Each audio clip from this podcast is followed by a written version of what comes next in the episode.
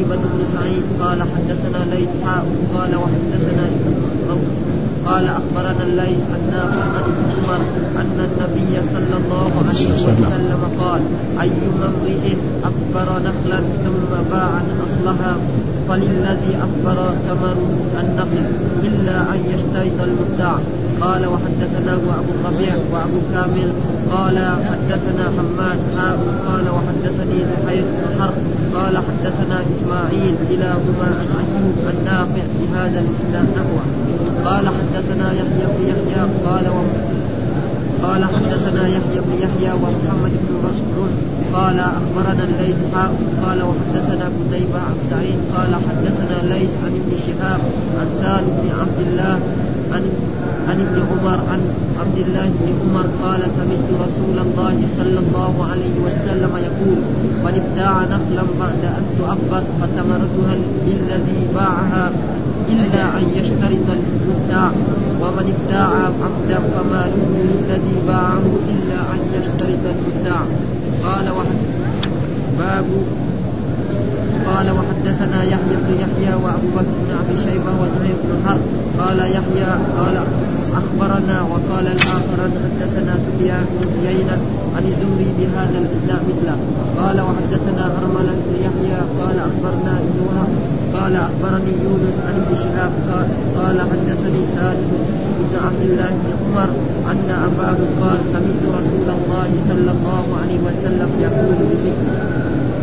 باب النهي عن المحاقلة والمجاملة عن المقابرة وبيع الثمرة قبل بدو صلاتها وعن بيع المعاومة وهو بيع السنين قال حدثنا أبو بكر بن أبي شيبة ومحمد بن عبد الله بن حمير وزهير بن حرب قالوا جميعا. قال حدثنا سفيان بن عيينة عن ابن جريج عن عطاء جابر بن عبد الله قال نهى رسول الله صلى الله عليه وسلم عن المحاقلة والمزابنة والمخابرة وعن بيع الثمر حتى يبدو صلاحه ولا يباع إلا بالدينار والدرهم إلا العرايا. قال وحدثنا أبو بن قال أخبرنا أبو عاصم قال أخبرنا ابن جريج عن عطاء وأبي الزبير أنهما سمعا جابر بن عبد الله يقول نهى رسول الله صلى الله عليه وسلم وذكر مثلي بمثله قال وحدثنا إسحاق بن إبراهيم الحنظلي قال أخبرنا مخلد بن يزيد الجزري قال حدثنا ابن جريج قال أخبرني عطاء عن جابر بن عبد الله أن رسول الله صلى الله عليه وسلم نهى عن عن عن المخابرة والمحاقلة والمزابنة وعن بيع الثمرة حتى تطعم ولا تباع إلا بالدراهم والدنانير إلا العرايا. قال عطاء فسر لنا جابر قال فأما المخابرة فالأرض البيضاء يرفعها الرجل إلى الرجل وينفق فيها ثم يأخذ من الثمر. وزعم أن المزابنة الرطب بالنخل بالدم كيلا كيلا والمحاقلة في الزرع على على على نحو ذلك يبيع الزرع القائم بالحب كيلا. يكفي هذا. أعوذ بالله من الشيطان الرجيم، بسم الله الرحمن الرحيم، الحمد لله رب العالمين والصلاة والسلام على سيدنا ونبينا محمد وعلى آله وصحبه وسلم أجمعين، قال الإمام الحافظ أبو الحسين مسلم الحجاج القشيري النيسابوري رحمه الله تعالى والترجمة الذي ترجم بها الإمام النووي رحمه الله تعالى باب من باع نخلا عليها تمر يعني ما الحكم في ذلك؟ من باع نخلا والنخل معروف ها ما ينبت الرطب وكذلك البسر وغير ذلك فهذا يسمى نخلا وعليها تمر. باع مثلا شخص بستانه وعليها نخل أو وبرت. فلمن تكون هذا التمر هذا والرطب هذا والبس لمن؟ هل يكون للبائع أو للمشتري؟ ها؟ فبين في هذه الأحاديث أن رسول الله صلى الله عليه وسلم قال من باع نخلا قد وبرت فثمرتها للبائع. ما دام هو خدمها ووبر النخل فثمرات إلا أن يشترط المبتاع يقول لا أنا أشتري هذا النخل لكن بشرط إن إيه؟ الثمرة التي في هذه في السنة هذه لي أنا. فإذا اتفقوا على ذلك فالمؤمنون على شروطهم. وإذا ما اتفقوا فالثمرة هذه في هذا العام لمين؟ آه للبائع. وفي السنة المقبلة إلى ما شاء الله للمشتري. هذا معناه اذا من باع نخلا عليها تمر أو وبر نخلها فثمرتها لمين؟ فثمرتها للبائع. فين جواب الشرط؟ محذوف. فثمرتها للبائع. إلا أن يشترط المبتاع المشتري. المبتاع معناه المشتري. يقول لا أنا اشتريت منك هذا البستان بنخيله وأن الثمره الموجوده الآن فيها. وأما لو باعها قبل أن توبر. ها؟ فهذا يكون إيه؟ ها للبائع للمشتري. إيش الدليل على ذلك؟ هذه الأحاديث الذي ساقها الإمام مسلم رحمه الله تعالى. واولها قال حدثنا يحيى بن يحيى قال قرأت على مالك عن نافع عن ابن عمر. ها هذا زي ما سمى سلسلة الذهب هذا خلاص ها؟ عن يحيى قال قرأت على مالك ولا فرق بين قرأت على مالك أو سمعت مالك أو أخبرني مالك أو حدثنا مالك كله بمعنى عن نافع وهو مولى عبد الله بن عمر عن ابن عمر الصحابي الجليل والده عمر بن الخطاب أن رسول الله قال من باع نخلا. وهنا قلنا غير ما مرة أن دائما أداة الشرط إذا دخلت على الماضي فتنقله إلى المحال والمستقبل. من باع يعني؟ الناس اللي باعوا أول بس في عهد الرسول لا يعني من يبيع؟ خلاص. ها؟ ومع والفعل المضارع معناه إيه؟ نعم دائما يدل على الحال والاستقبال. فكذلك يعني الماضي مرات إذا دخل عليه من أو أداة الشرط ها؟ فهذا يكون إيه؟ للمستقبل. من باع يعني بس الصحابة؟ لا ها؟ حتى في إن شاء الله في القرن الخمسين كمان ها؟ من يبيع يعني ها؟ وهذا موجود في القرآن وفي إن أحسنتم يعني إيه؟ إن تحسنوا. ومن أساء فعليه يعني إيه؟ من يسيء. يعني من يبيع. هذا. نخلا ها؟ والنخل معروف. نعم. ها؟ قد أبرت إيش التوبير؟ أن يأتي نعم بالوبار التي في الطلع الذي في الذكر ويجعله بعد ما يشق هذا ويجعله فيه. ثم إذا وبر ما يلزم يوبر كل البستان. إذا وبر جزء جزء من البستان خلاص. يجي الريح تنقل من هنا إلى هنا. ها؟ ومعلوم أن الله خلق لكل شيء ذكر وأنثى. فالنخل وإذا ما وبر تقل وقد حصل ذلك أن رسول الله صلى الله عليه وسلم لما هاجر من مكة إلى هذه المدينة قال لاصحابه لا توبروا النخل فما وبروها فلما جاءت الغلة قليلة. آه فقال لهم الرسول بعد ذلك ما أخبرتكم من أمر ديني فافعلوا. وما أخبرتكم من أمر ديني فأنتم بدنياكم أبصر. ان هم صاحب صنعه عارفين فلاحين. فلاح يعرف المصالح اللي في الزرع العلماء لهم دخل. ها؟ حتى الرسول صلى الله عليه وسلم بعض الأشياء نعم يعني الشيء الديني هذا نعم قولا واحدا. وأما القول فلذلك كان الرسول في مسائل الدنيويه يعني يأسم حتى أنه لما يعني علم الرسول صلى الله عليه وسلم أن قريش تأتي لغزوة الخندق سأل يعني الرسول ماذا يفعل؟ فسار عليه سلمان الفارسي. قال نحن في في فارس إذا خفنا خندقنا.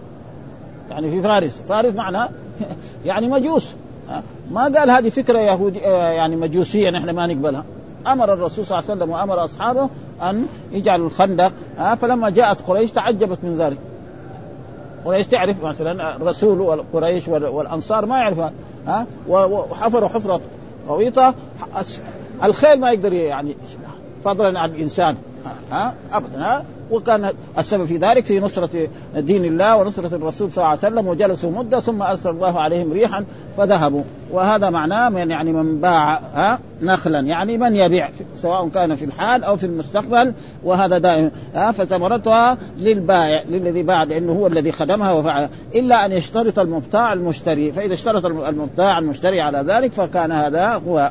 وهذا حكم شرعي وأن وأما إذا كان باعها قبل أن يحصل فيها الوبار وقبل أن هذا فهذا ثمرتها السنة هذه وما بعدها للبائع. وكذلك الحديث الثاني قال حدثنا محمد يعني تغير إيه مشايخ إيه الإمام مسلم. أول كان حدثنا يحيى بن يحيى الآن حدثنا ابن المثنى حدثنا يحيى بن سعيد حول الإسناد أو حا وحدثنا ابن نمير حدثنا أبي جميعا عن عبد عبيد الله. وعبيد الله هو ابن إيه؟ عبد الله بن عمر رضي الله حول الإسناد وقال حدثنا أبو بكر بن أبي شيبة واللفظ له حدثنا محمد بن بشر حدثنا عبيد الله عن نافع عن ابن عمر أن رسول الله صلى الله عليه وسلم قال أيما نخل وأيما من ألفاظ العموم زي كل كل نفس ذائقة الموت. في أحد ما يموت؟ ما في أحد. ها؟ آه آه آه كل إنسان وعمله. أيما من ألفاظ العموم في اللغة العربية آه أيما نخل. اشتري اشترى اشترى اصول أصولها وقد أبرت فإن ثمرها للذي أبرها. وإيش التوبير؟ قلنا يأتي بايه بالطلع الذي في الذكر ويضعه في إيه؟ في الطلع الأنثى وبذلك يثمر النخل ويكون رطب طيب ويسر طيب. وهذا يعني الله خلق كل زوجين اثنين من جميع الأشياء ها السماء والأرض ها الليل والنهار وهكذا كل شيء. وهذا إلا أن يشترط الذي اشتراها. هنا قال اشترط المبتاع وهنا قال الذي اشترى. فإذا اشترط قال لا هذه النخلة أنا اشتريتها الآن وثمرتها في هذه العام بعد إن توبرتها وخدمتها وفعلت كذا فهي فإذا اتفقوا على ذلك فالمؤمنون على شروطهم إلا شرط حرم يعني حلالا أو أحل حراما. وكذا والأحاديث كلها يعني تقريبا تكاد إيه عن عبد الله بن عمر ها؟ الصحابي واحد ولكن مشايخ الإمام مسلم هم الذين إيه مختلفون. وحدثنا كذلك قتيبة بن سعيد دحين صار الشيخ حدثنا ليس وهو ليس بن سعد نعم من تلامذة الإمام مالك. وحدثنا ابن رمح قال أخبرنا الليث عن نافع عن ابن عمر برضو الصحابي أن النبي صلى الله عليه وسلم قال أيما امرئ هنا قال أيما امرئ وهنا قال أيما إنسان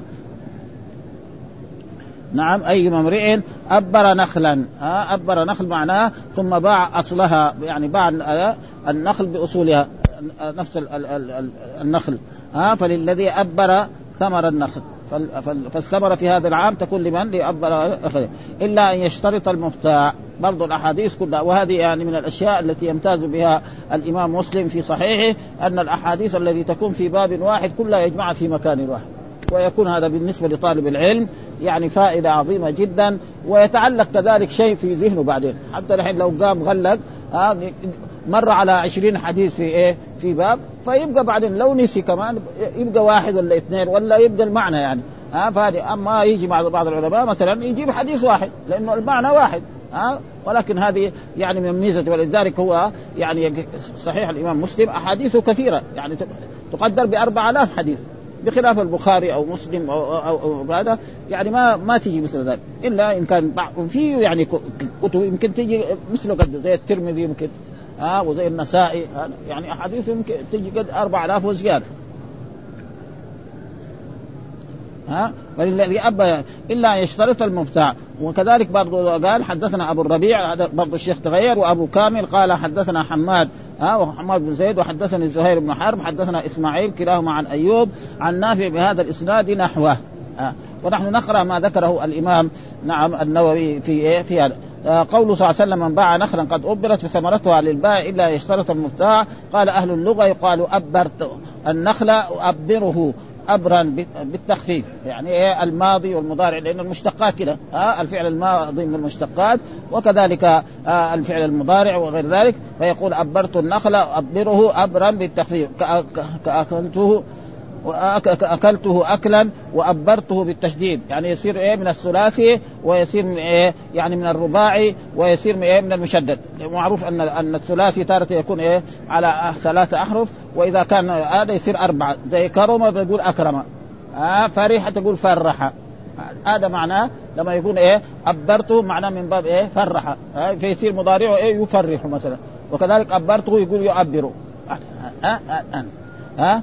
بالتشديد أؤبره تأبيرا. آه تعلمته. آه أعلمه تعليم. وهو أن يشق طلع النخل. آه ليدر ليدر فيه شيء من طلع ذكر النخل. والإبار هو شقه. آه سواء حط فيه شيء أو لا. ولو تأبرت بنفسها أي تشققت فحكمها في البيع. لأنه لا دائما الناس الذي عندهم النخيل ما يوبر مثلا. في بعض بعض بعض البساتين فيها مثلا 500 نخلة. متى يبغى يوبرها؟ خلاص يوبر جزء منها خلاص بعدين الريح تأخذ تنقل من هذا تحطه في هذا. خلاص ويصير إيه؟ يمشي على. وفي الحديث جواز الإبار للنخل وغيره من إيه؟ من الثمار. وكذلك الآن بيوبر يعني كثير خصوصا في عصرنا هذا. ها؟ يجيبوا الليمون يحطوه مع التف... مع البرتقال يصير الازمه الليمون حامض. مع البرتقال وأشياء يعني أشياء يعني كثيرة حتى في الحيوانات وفي غير ذلك آه يعني البقر الموجود الآن في المملكة العربية السعودية والبقر اللي جايبينه من أوروبا. في فرق واحد منهم قد ثلاثة بقرة ويحلب كذا وهكذا يعني آه فالاستفادة من مسائل مثل ذلك لا لا هذا فيها. و وقد اختلف في حكم بيع, بيع النخل المبيعة بعد التأبيع وقبله. هل تدخل فيها الثمرة عند إطلاق بيع النخل من غير تعرض للثمرة؟ بنفي ولا إثبات. فقال مالك والشافعي والليث والأكثرون إن باع النخل بعد التأبير فثمرتها للبائع لأن النص كده. ها كلام رسول الله صلى الله عليه وسلم يقول للبائع إلا أن يشترط المشتري بأن يقول اشتريت النخلة بثمرتها هذا وإن باع قبل التعبير فثمرتها للمشتري فإن شرطها البائع لنفسه جاز عند الشافعي وقال مالك لا يجوز شرطها للبائع وقال أبو حنيفة هي للبائع قبل التعبير وبعده وهذا مخالف لحديث رسول الله صلى الله عليه وسلم وإذا خالف حديث رسول الله صلى الله عليه وسلم يعرض عنه آه لأن الله قال فإن تنازعتم في شيء فرد الرسول يقول من باع نقد ابر فثمرتها للبائع. يجي واحد عالم يقول كذا نقول له لا يا سيدي ما نقبلها والسبب في ذلك ليس هو يريد مخالفة رسول الله صلى الله عليه وسلم. حاشا ها؟ الأئمة لا يريدون مخالفة إنما تكون أحاديث ما بلغت لأنه لا يوجد عالم بلغته أحاديث رسول الله صلى الله عليه وسلم من أولها لا. هذا لا يوجد لا قديما ولا حديث. ثم ينسى. العالم ينسى. ها؟ فإذا الرسول نسي قال إني أنسى كما تنسون. فإذا نسيت فذكروني. إذا العالم إيه؟ من باب أولى واحد. أبو بكر كذلك وغير ذلك. ها؟ فلا يكون لإنسان آدم وقال هي للبائع قبل التعبير وبعده وهذا يكون مخالف للرسول وللهدي عند الإطلاق. وقال ابن أبي ليلى هي للمشتري قبل التعبير وبعده وهذا كذلك مخالف لإيه؟ إلا إذا أما الشافعي والجمهور فأخذوا إيه؟ في المؤبرة بمنطوق الحديث. منطوق الحديث معناه لفظ الحديث يعني كمن باع نخلا. ها؟ وثمرتها إيه؟ للبائع. هذا المنطوق يعني كلام إيه؟ كلام الرسول ها؟ وشيء ولا يقولون بدليل الخطاب. ها؟ وهو حجة عندهم. يعني بعض الناس يقول دليل الخطاب لأنه قال باع. خلاص ما دام باع يعني يكون إيه؟ إلى والصحيح هو ما جاء في الأحاديث الصحيحة عن رسول لأن الظاهر يخالف المستتر في بيع حكم آه التبعية في البيع. كما أن الجنين يتبع الام فإذا باع مثلا شاة أو بقرة فيها جنين فلمين الجنين يكون؟ للمشتري. ما يكون للبائع. لأنه هذا شيء داخل. لكن لو عنده مثلا عنده ناقة ولها ولد وباع الناقة ولد ما له دخل لأنه منفصل عنها. ما له هذا. ها كذلك لو باع عبدا أو جارية ولها ولد البيع على مين؟ على الجارية. ها وكذلك النقل وكذلك ها أي فلا. ثم قال ومن ابتاع عبدا فماله للذي باعه. كذلك من ابتاع عبدا فماله لمن؟ لأن اختلف العلماء. هل العبد يملك؟ أكثر العلماء على أنه لا يملك. ها؟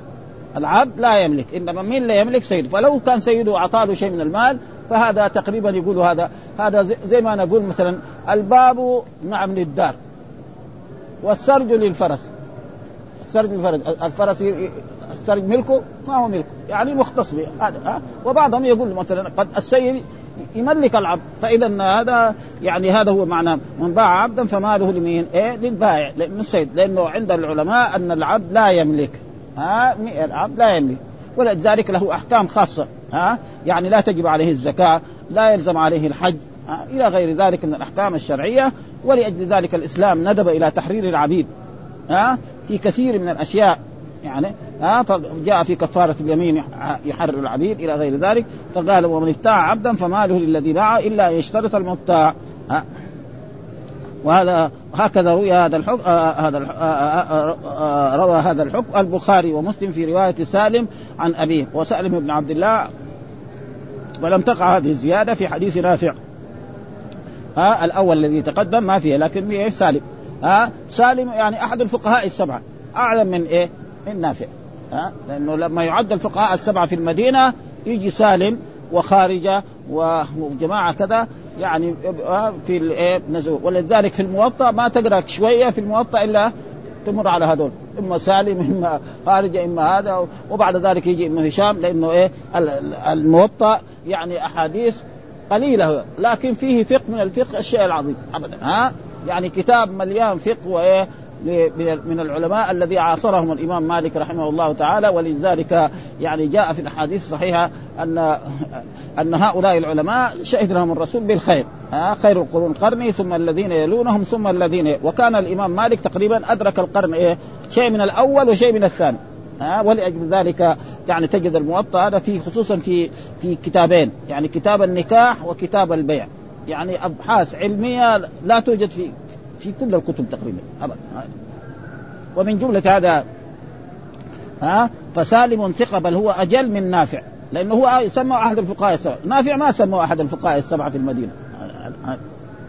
ها فزيادته مقبولة وقد أشار النسائي يعني من من ابتاع عبدا. هذا ما في في إيه؟ في الأحاديث التي رواها نافع عن عبد الله بن عمر. وفي وفي الروايات والحافظ حجة على من لم يحفظ يعني قاعدة علمية. صحابي يحدثنا حديث ويزيد جملة. فعلى العين والرأس دغري.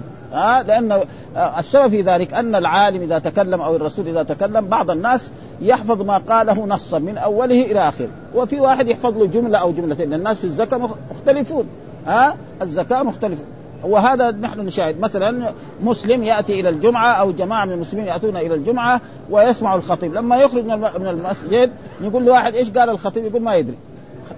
ولا هو داري إيش قال ابدا لأنه كان نعسان ولا ابدا واحد يقول له يقول إيه؟ قال كذا وكذا جملتين. واحد يقول حافظها صم. ليه؟ لأن الناس إيه؟ في الذكاء يختلفون أبدا. ها وهذا وهذا الحديث دلالة لمالك القديم أن العبد إذا ملكه سيده مالا ملكه. لكن بعضهم يقول إذا ملكه. معلوم إذا ملكه هذا شيء. إذا باعه بعد ذلك ها كان ماله للبائع. إلا أن يشترط المشتري لظاهر الحديث وقال الشافعي في الجليل وأبو حنيفة لأن الإمام الشافعي له مذهبان مذهب لما كان في الحجاز آه ثم بعد وفي العراق ثم بعد ذلك لما ذهب إلى مصر غير آه إيش السبب غير؟ لأنه اطلع على أحاديث وعلى واجتمع بعلماء فغير وهذا هو واجب العالم يعني يقرر اليوم شيء وبكرة إيه؟ آه أن الأول ما قررته غلط آه والصواب كذا آه ولا يبقى على الإيه؟ على الشيء الذي إيه؟ هذا الواجب يعني من العالم. ولا ولا يخاف من كلمة لا أدري العالم وطالب العلم. أي سؤال سئل مسألة يقول لا أدري لا ما يعرف. ولا يقول ها؟ ولذلك جاء في الأحاديث الصحيحة أن العلم ثلاثة آية محكمة وسنة متبعة ولا أدري. لا يخاف من, من لا أدري ها؟ وقد سئل الإمام مالك رح إمام دار الهجرة عن 33 مسألة مر علينا في الموطأ أجاب عن 13 والباقي قال لا أدري. ولا فيها شيء ابدا لا يخاف ابدا وأي عالم يخاف ما يقول آه يعني بعدين يعرض نفسه لإيه؟ للأخطار ابدا. وأنا في يد العبد من مال السيد. فأضيف ذلك المال إلى العبد للإختصاص ها؟ للإختصاص زي ما نقول الباب نعم نعم الباب للدار. فالدار لا تملك كذلك السرد. البردع للحمار البردع للحمار. الحمار ما يملك بردع ولا شيء. فهذا وهذا هذا وهناك من العلماء من يقول لا أن أن العبد إذا ملكه سيده صار يملك. والانتفاع كما يقال آه جل الجل للدابة، الدابة معناه الشيء الذي يتحرك هذا. ها؟ لما يركب على الدابة على الحمار أو غير ذلك ها؟ والسرج للفرس. وإلا فإذا باع السيد العبد فذلك المال للبائع لأنه مالكه إلا أن يشترطه المبتاع فيصح. ها وقد يكون قد باع شيئا والعبد والمال في يده بثمن واحد وذلك جائز. ويشترط كذلك الاحتراز من الربا. وبعدين نقرأ الحديث البعد. ها إلا أن يشترط ها المبتاع. وقال كذلك هنا حدثنا يحيى بن يحيى وأبو بكر بن أبي شيبة وزهير بن حرب. قال يحيى أخبرنا وقال الآخران حدثنا. ولا فرق بين أخبرنا وحدثنا كله بمعنى واحد. ولكن من من أمانتهم في العلمية اللي قال له الشيخ يقولوا ما, ما يزيد ولا كلمة.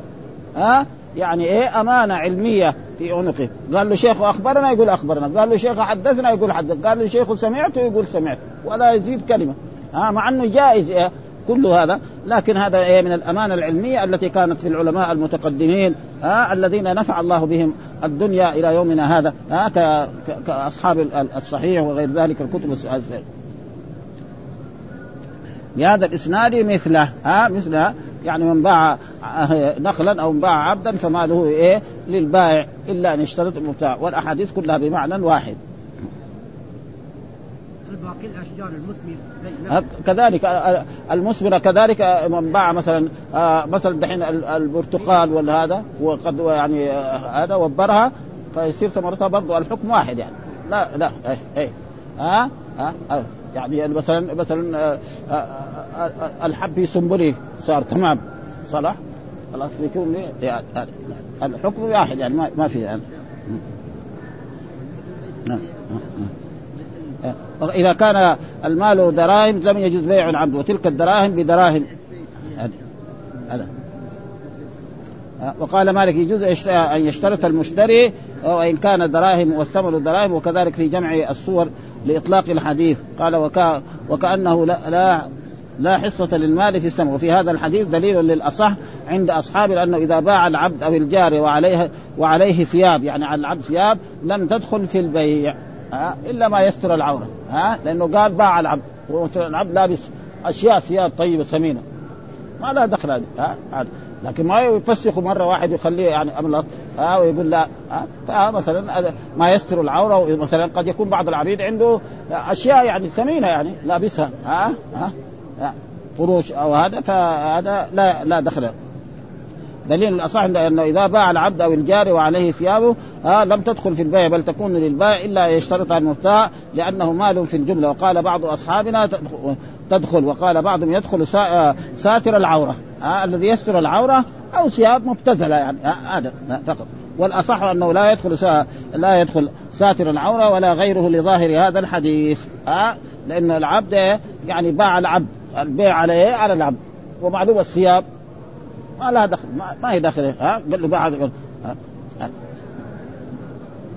ثم ذكر آه، ترجمة أخرى وهو باب النهي عن المحاقلة والمزابنة عن المخابرة وبيع الثمرة قبل بدو صلاحها وعن بيع المعاومة وهو بيع السمين باب النهي عن المحاقلة والمزابنة المحاقلة والمزابنة لفظان مترادفان يعني الألفاظ مختلفة والمعنى واحد وهو بيع إيه؟ الرطب بالتمر هذا ما يجوز ليه؟ لأنه يوقع في إيه؟ آه في الربا. جاء في الحديث الصحيح عن عبادة بن الصامت أن رسول الله صلى الله عليه وسلم نهى نعم قال في الحديث الذهب بالذهب والفضة بالفضة والبر بالبر والتمر بالتمر والشعير بالشعير والملح بالملح. مثلا بمثل فمن زاد أو استزاد فقد أربى. فلا يجوز بيع تمر بتمر صاع من تمر بصاع من تمر مع أن التمر يختلف. في تمر إيه؟ غالي الصاع حقه ب 10 ريال وفي تمر صاع بريال أو بأقل من ريال فلا يجوز بيع التمر. كذلك مثلا التمر مختلف وكذلك البر آه الذي هو الحنطة نعم وكذلك الدخن وكذلك الذرة وكذلك الشعير حتى ذكر الرسول صلى الله عليه وسلم الملح آه فقال إيه؟ حتى الملح. ومعلوم الملح يختلف آه في ملح من من الجبال وفي ملح من من الأرض وفي ملح نظيف وفي ملح وسخ آه فلازم إذا يبيع هذا آه خروج من هذا يبيع إيه؟ الردي بالدراهم ثم يشتري بالدراهم هذا مثل ما حصل لإيه نعم لبلال لما بعثه رسول الله صلى الله عليه وسلم إلى خيبر ليجبي الزكاة فكان يشتري الردي يبيع الردي خمسة أصواع من الردي بصاع من إيه؟ من الطيب يسمى جنيب يعني فلما جاء قال له الرسول صلى الله عليه وسلم تمر خيبر كله كذا قال له لا يا رسول الله كنا نبيع خمسة من أصواع الردي بإيه؟ بصاع من قال له هذا حرام. أعين الربا هذا. ها؟ والظاهر أن الرسول الله صلى الله عليه وسلم ما أكل من هذا التمر. ها؟ ما يأكل. وعلم إيه؟ ها؟ بلال. والإنسان إذا أخطأ ما يعرف. ها؟ لا ذنب عليه. لأنه هو اجتهد يعني. بلال اجتهد إنه جائز. ها؟ فقال له الرسول بيع إيه؟ نعم. الردي بالدراهم. خمسة أصواع بريال. عشرة أصواع بريالين. وبعدين اجمع العشرة مع الخمسة عشر اشتري إيه؟ صاع جنيب بإيه؟ بالدراهم. أو كمان إذا كان بضاعة ثانية بيشتريها بالذهب. كيف كيف؟ هذا هذا معناه يعني. المعاقلة و... وعن المخابرة. ها؟ والمخابرة يأتي يعني تفسيره وهو يعني تقريبا هو المزارعة. ها؟ المخابرة يعني هو المزارعة. والمزارعة كمان تنقسم إلى قسمين. إما مزارعة يا إنسان يأتي أرض يقول لي تعال فلاح يزرع يقول له خذ هذه الأرض وازرع فيها وأنا أعطيك البذر. ها ويقعد يخدم فيها. نعم يخدم فيها. فإذا طلع الثمرة يقول له أنت مثلا أنا لي النصف ولك أنت النصف. أنا لي الثلثان صاحب الأرض وأنت لك إيه ويكون البذر من إيه؟ من المزارع. الصفة الثانية أن تكون لا من العامل. ها تكون من العامل. وهذا كذلك جائز. يكون من العامل يعني يعطيه الأرض وهو إيه نفس البذر والخدمة كلها عليه. ثم بعد ذلك لما ينتهي يكون إيه آه ها قال والمزارعة والمخابرة متى متى بس المزارعة أن المزارع يكون من إيه البذر من إيه من المزارع صاحب الأرض. المخابره يكون من إيه من صاحب من, من نفس العامل. هذا الفرق بين هذا وهذا. ها وإلا كل شيء واحد. فهذا معنى باب النهي والنهي معنى الحظر والمنع ومعنى ذلك تحريم رسول الله صلى الله عليه وسلم عن المحاقلة والمزابنة المحاقلة والمزابنة بيع الرطب بالتمر. لا يجوز هذا إلا في بيع العرايا بس. ها وتقدم لنا بيع العرايا إيش بيع العرايا أن إنسان يكون عنده نخيل ها ويجي وقت الثمرة فيأتي إنسان ويشتري منه خمس نخلات أو عشر نخلات عشان يأكلها رطب هو وأولاده وأهله وضيوفه ثم بعد ذلك يتضايق البائع من هذا الرجل ويقول له يجي له مرة في أول النهار، مرة يجي له في آخر النهار، مرة يجي له في الليل أبغى أدخل أخذ رطب نعم فيتضايق منه فله أن يشتري نعم هذا الرطب بالتمر كيلا يقول له تعال بكرة صباحا وأنا أكل لك شوفوا الرطب كم 50 صاع يقوم يكل له ها 50 صاع من الرطب. ليش هذا السبب في ذلك؟ لأن الرطب لما ييبس يصير أقل 50 صاع من الرطب إذا نشي يصير كم؟ 30 أو أقل كمان فلاجل ذلك لا يجوز إلا في والبيع العرايا يكون إيه؟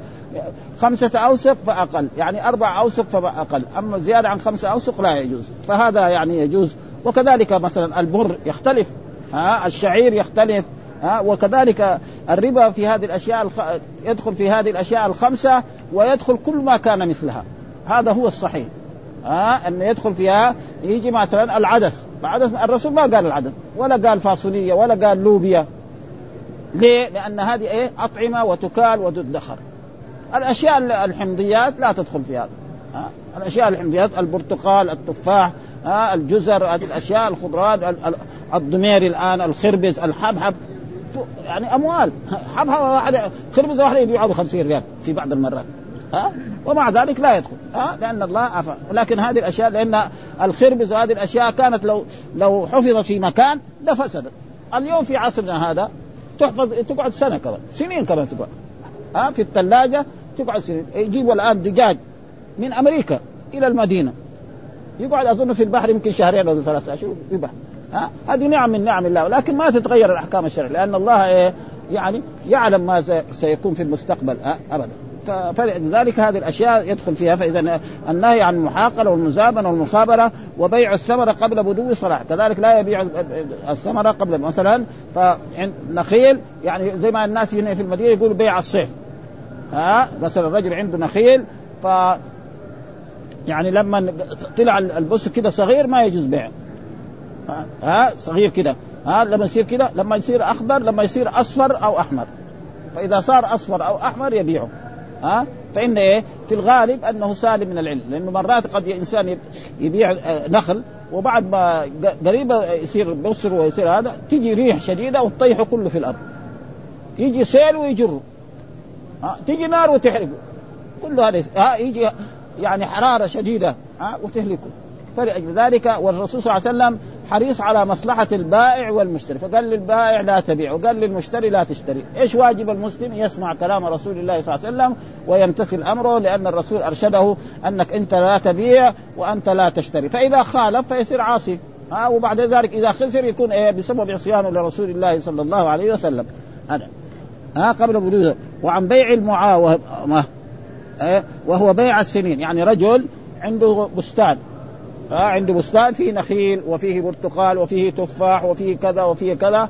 يجي إنسان يقول له أنا أبيعك الثمرة حق أربع سنوات ويأخذ الفلوس. طيب السنة أثمر السنة الثانية مين يدري إنه يثمر ولا ما يثمر؟ ها؟ هذا ما علمه عند من؟ عند الرب. فالإنسان لا يبيع لأنه مين اللي يطلع الثمرة؟ الرب سبحانه وتعالى. أنتم تزرعون أم نحن الزارعون؟ كذا الرب يقول ها؟ الإنسان بيزرع ولذلك مثلا كذلك لما يزرع في مكان ها محل يطلع كثير محل يطلع كثير فلا فهذا معنى يعني لا يجوز بيع السنين أما يبيع الثمره بعد بلوغ صلاحه السنة هذه. السنة الثانية كذلك إذا بدأ صلاحه يبيعه. السنة الثالثة أما يبيع أما يبيع الأرض أو يأجر الأرض كذا ما فيها شيء هذا جائز. ها بيع الأرض ها أو يأجر الأرض هذا جائز. ها وإذا أجر الأرض ما يقول له إيه أنا إلا إذا كان باب المزارعة بأن يقول له إيه خذ إيه. نعم البذر البذر علي. ها؟ وانت عليك إيه الخدمة. ها ها, ها؟ وهذا معناه بيع السنين. بيع السنين يعني يبيع إيه بستانه وثمرته لسنتين أو ثلاث سنوات أو أربع سنوات هذا. أما يؤجر الأرض ما فيها شيء لسنتين أو ثلاثة أو أربعة هذا جائز. ما في شيء هذا. إيش الدليل على ذلك الأحاديث؟ هذه الأحاديث الذي ذكرها الإمام مسلم رحمه الله تعالى. قال حدثنا أبو بكر بن أبي شيبة ومحمد بن عبد الله بن نمير وزهير بن حرب قالوا ها جميعا حدثنا سفيان ها ابن عيينة عن ابن جريج عن عطاء عن جابر بن عبد الله قال نهى رسول الله صلى الله عليه وسلم عن المحاقلة والمزابنة. المحاقلة والمزابنة بيع الرطب بالتمر. ها لا يجوز لأن الرطب إذا يبس ينقص.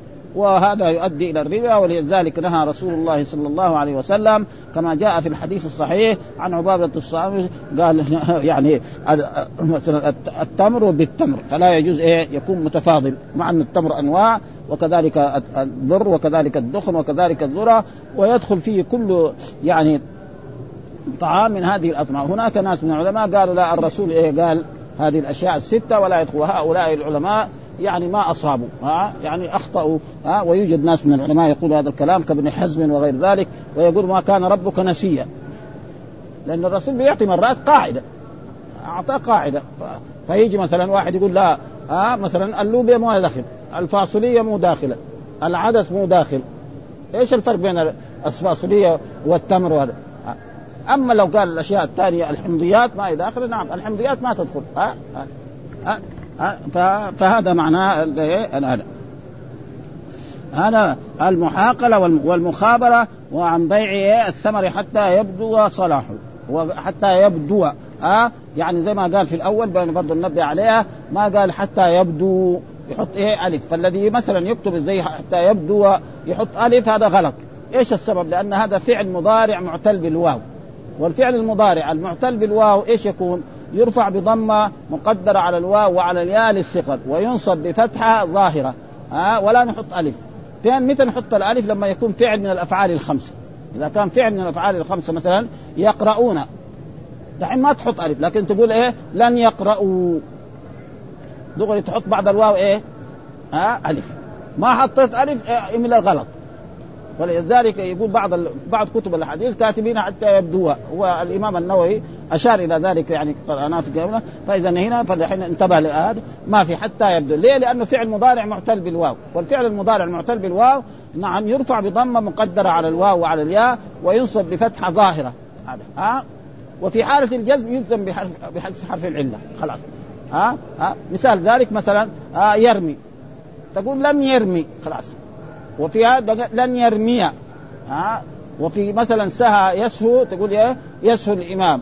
ولن يسهو ولم يسهو. تحذف ما يجوز إيه؟ إلا في ضرورة الشعر فهذا شيء اخر جاء في بعض الأحاديث ألم يأتيك والأنباء تم. لازم هذا الشاعر كان يقول ألم ياتك لكن قال ألم ياتك لأنه لو قال ألم ياتك والأنباء تم ينكسر البيت عليه. يصير شعره خربان. ها؟ فهذا لشيء للضرورات. فلذلك هذا وعن حتى يبدو ها؟ ليه؟ لأنه فعل مضارع منصوب بأن مضمرة وجوبا بعد إيه؟ بعد حتى وحتى تنصب ما تنصب بنفسها إنما تنصب بأن مضمرة ها؟ بعد هذا ها؟ حتى يبدو صلاحه وصلاحه إيه؟ آه إذا كان نخيل حتى يب... يعني يكون أصفر وأحمر. أما لما يكون صغير كده هذا لا يجوز بيعه. ولا يباع إلا بالدينار والدراهم إلا العرائم يعني لا يباع إلا بالدينار الدينار الذهب.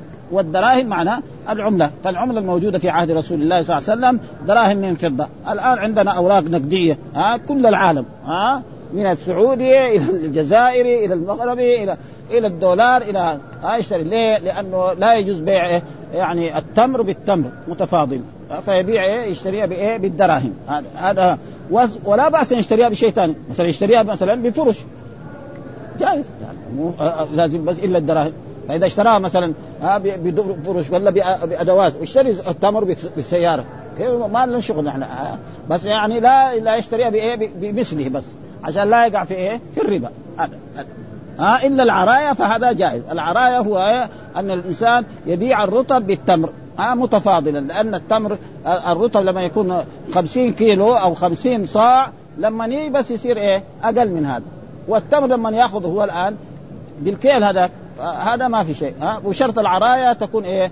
يعني من خمسة أوسق فأقل ها؟ يعني وأما زيادة عن خمسة أوسق لا يجوز وهذا بيع العرايا. السبب في ذلك أنه هذا تسهيل للمسلمين لأن الناس في أيام الرطب لا يحب الرجل أن لو أتى لأولاده بتمر ما يرضوا ياكل قل يا عبادي بغير تمر جيب لنا رطب اليوم. خلاص لما يغلق الصيف جيب لهم تمر ياكل فلأجل ذلك رخص في هذا وهذا خاص بايه بالعرايا. وكذلك ثم ذكر حدثنا عبد بن حميد أخبرنا أبو عاصم أخبرنا ابن جريج عن عطاء وأبي الزبير انه ما سمع جابر بن عبد الله. برضه هنا الحديث عن جابر بن عبد الله الأنصاري قال نهى ونهى بمعنى حضر ومنع وحرم. نهى وحرم وحضر كله بمعنى آه فذكر مثله. وهو أنه إيه جاء في الحديث آه الحديث الموجود عن جابر بن عبد الله قال نهى رسول الله عن المحاقلة والمزابنة والمخابرة وعن بيع الثمن حتى يبدو صلاحه ولا يباع إلا بالدينار والدرهم. ها؟ اختصر إيه؟ المتن يعني المتن إيه؟ مثل هذا التمام فذكر مثله. وثم ذكر حدثنا إسحاق بن إبراهيم الحنظلي أخبرنا مخلد بن يزيد الجزري حدثنا ابن جريج قال أخبرني عطاء ها؟ وهو عطاء بن أبي رباح عن جابر بن عبد الله ابن عبد الله الأنصاري أن رسول الله صلى الله عليه وسلم برضو آه آه نهى عن المخابرة والمحاقلة والمزابنة. آه برضو المخابرة والمحاقلة والمخابرة والمزابنة قلنا شيء واحد وعن بيع الثمرة حتى تطعم. ها يعني حتى مثلا آه الإنسان لما يكون النخيل كده صغير في أحد يأكله؟ حتى الحيوان يمكن لو عنده أغنام وجاب لهم ما يأكله. لما يصير أصفر ويصير أحمر يأكل ها فلا بد إيه؟ ثم ليس معناه كل البستان. مثلا بستان فيه مئة نخلة. فصار بعض عشر نخلات فيها صارت حمراء وصفراء. الزهو حق يبيع في الغالب السلامة. قال وعن بيع الثمرة حتى تطعم. ها؟ ولا تباع إلا بالدراهم والدنانير. يعني لا تباع بإيه؟ بمثلها. إيه؟ لا تباع بإيه؟ بالتمر. ها؟ ولا وكذلك مثلا لو كان مثلا بر أو دخن كذلك لا يباع. قال عطاء. فسر لنا جابر. مين هو جابر بن عبد الله الصحابي؟ ودائما إذا جاء تفسير الصحابي على العين والرأس. ما يجي مثلا ها جاء تفسير الصحابي. فالصحابه أعلم الناس تقريبا. ها إلا إذا ثبت من مع بعضهم أنه هذا كان في هذا. فسر لنا جابر. قال المخابرة فالأرض البيضاء يدفعها الرجل إلى الرجل فينفق فيها ثم يأخذ من الثمر ويزعم أن المزابنة بيع الرطب إيش معنى قال المخابرة في الأرض؟ آه الأرض البيضاء يدفعها الرجل إلى الرجل فينفق فيها. ينفق فيها يعني يكون عليه البذر وعليه كل شيء وينفق عليها. ثم بعد ذلك لما تثمر نعم يكون لهذا اللي خدمها له الربع أو له الثلث وهذاك له الثلثان أو هذا له النصف وهذا له النصف على ما يتفقوا هذا. وزعم أن المزابنة إيش هو؟ بيع الرطب. ها؟ ها؟ في النخل بالتمر كيلا. لا يجوز هذا لأنه يوقع في إيه؟ في الربا. والمحاقله في الزرع على نحو ذلك يبيع الزرع القائم بالحب كيلا. مثلا بعد ما صار سنبل وقريب يتم يقوم يبيعه يجي مثلا يطالع في البستان فيه كم؟ يعني 100 صاع يقول له تعال خذ إيه؟ بر. ها؟ يكل قوة. فهذا تقريبا كذلك برضه لا يجوز. بالحب كيلا. فكذلك هذا لا يجب فهذه تقريبا أشياء نهى عنها رسول الله صلى الله عليه وسلم فيجب على المسلمين وإذا فعلوا ذلك وامتثلوا أمر رسول الله صلى الله عليه وسلم يكون البركة ويكون وإذا خالفوا أمر رسول الله صلى الله عليه وسلم يكون يعني وكثيرا ما بيحصل هذا. تيجي مثلا ريح شديدة فتسقط جميع الثمرة هذا في الأرض. فبعد ما كان هو يبغى يكسب 100 يخسر. ها؟ ليه؟ لمخالفة رسول الله صلى الله عليه وسلم لأن الرسول حريصا على مصلحة البائع وعلى مصلحة المشتري وأمر هذا ألا يبيع وأمر هذا ألا يشتري. وكذلك قال حدثنا كذلك إسحاق بن إبراهيم هذا الحمد لله يعني زميل يعني الإمام أحمد.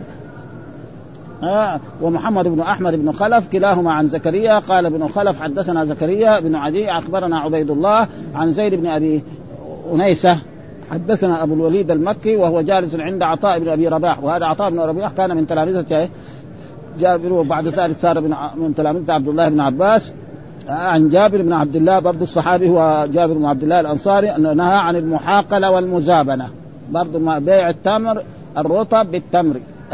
ها والمخابرة وأن وأن تشتري النخلة حتى تشقه والإشقاء أن يحمر أو يصفر.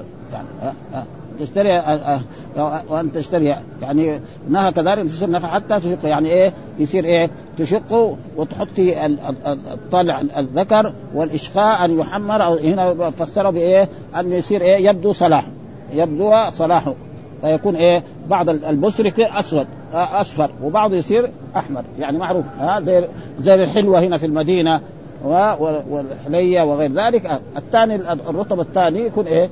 أصفر. فذاك الوقت له أن يبيعه. آه لأنه في الغالب يعني يسلم من إيه؟ من الآفات.